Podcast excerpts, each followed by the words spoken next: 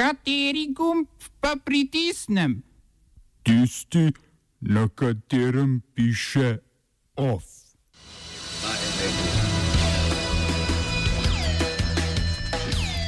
Konferenca v Libiji v Palermo. Špansko računsko sodišče dosodilo 5 milijonov evrov kazni za organizatorje katalonskega referenduma leta 2014. Odstopil generalni direktor Agencije Republike Slovenije za okolje Joško Knes in alternativni Lif festival.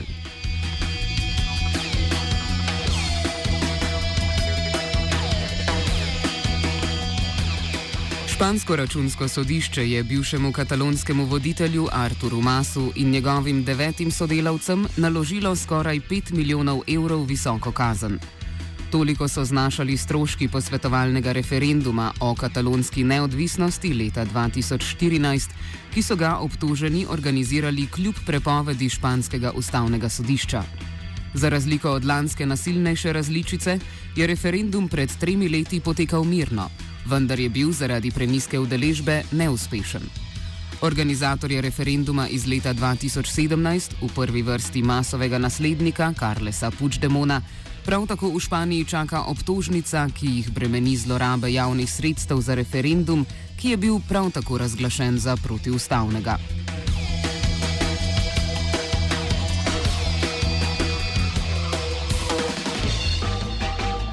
Ostajamo pri prebeglih političnih obtožencih. Makedonska policija je prejela nalog za aretacijo Nikole Grujevskega, bivšega predsednika opozicijske stranke VMRO DPMNE. Ta je obsojen na dvoletno zaporno kazen zaradi korupcije v aferi Tank, saj je v sodelovanju z bivšo notranjo ministrico Gordano Jankulovsko leta 2012 na skrivaj z državnimi sredstvi kupil, kupil skoraj 600 tisoč evrov vreden avtomobil. Sodišče je nalog izdalo, potem ko je v petek zavrnilo poziv Grujevskega na odložitev prestajanja kazni. Grujevski, ki ga je policija včeraj brezuspešno iskala, se je javil iz Budimpešte, kjer je zaprosil za politični azil. Nalog za aretacijo pa velja le znotraj Makedonije.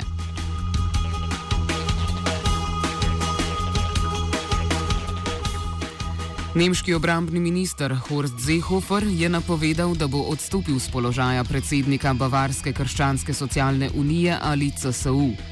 CSU velja za sestrsko stranko vladajoče krščanske demokracije oziroma CDU Angele Merkel, ki je predtem prav tako že napovedala svoj odstop z čela stranke.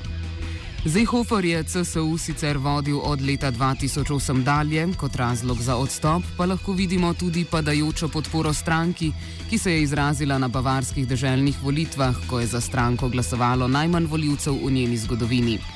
Zehofer je ob tem povdaril, da ostaja v vlogi notranjega ministra.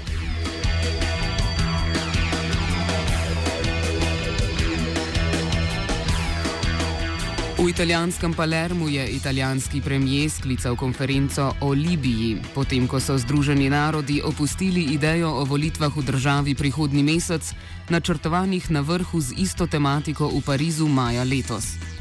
Na Siciliji sta se po petih mesecih sestala predsednik strani Združenih narodov priznane zahodno-libijske vlade narodne enotnosti Fayez al-Serraj ter vodja vojske Tobruške vlade, ki obvladuje vzhodni del Libije, Halif Haftar in ga podpirata Egipt in Rusija.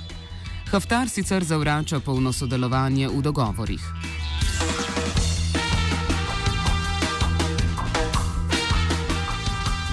Ameriška škofovska konferenca še ne bo obravnavala kataloga ukrepov proti spolnim zlorabam katoliških duhovnikov.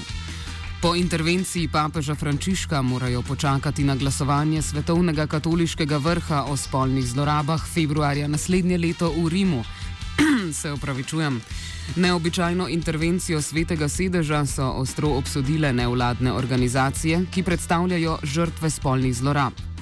Raziskava organizacije Bishop Account oprostite, Bishop Accountability je med letoma 1950 in 2016 naštela skoraj 7000 duhovnikov krivih spolne zlorabe in skoraj 19 tisoč žrtev v ZDA.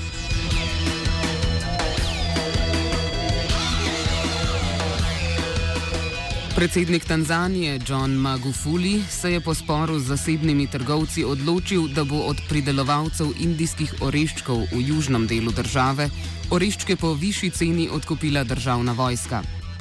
Cena indijskih oreščkov, ki so eden glavnih tanzanijskih izvoznih artiklov, je v preteklih mesecih padla, zaradi česar so kmetje ustavili prodajo, saj naj ne bi več uspeli pokriti stroškov proizvodnje.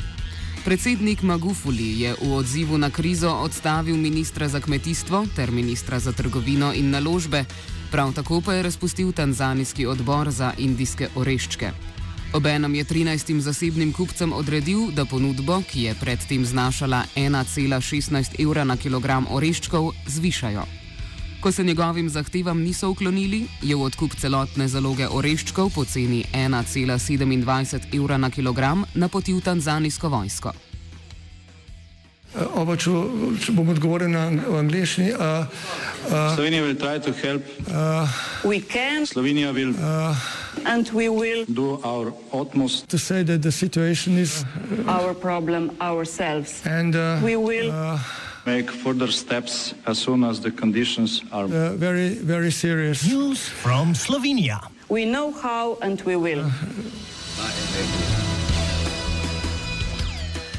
Generalni direktor Agencije Republike Slovenije za okolje, krajše Arso, Joško Knes, je odstopil z položaja. Neodvisna komisija Ministrstva za okolje in prostor je namreč odkrila kršenje načela neodvisnosti agencije v postopkih izdaj dovoljen za črpanje zemljskega plina. Britansko podjetje Essent Resources, ki je povezano s spornimi dovoljenji, je med drugim poskušalo pridobiti dovoljenje za črpanje plina na Petišovskem polju v Prekmurju z metodo frackinga. Za dosego cilja so si, kot je ugotovila komisija, pomagali z lobiranjem in pritiski na uradnike Arsa. Na včerajšnji novinarski konferenci Piratov, Solidarnosti in Združene levice, Demokratične stranke dela, so celo opozorili, da je bila v lobiranje vključena tudi veleposlanica Združenega kraljestva Sophie Honey.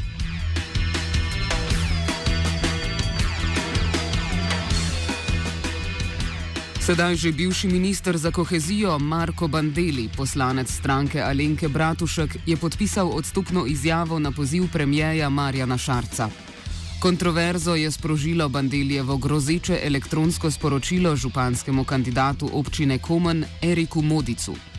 Minister bo prenehal s funkcijo, ko bo državni zbor na seji obveščen o odstopu, po protokolu ne več kot v dveh tednih od danes.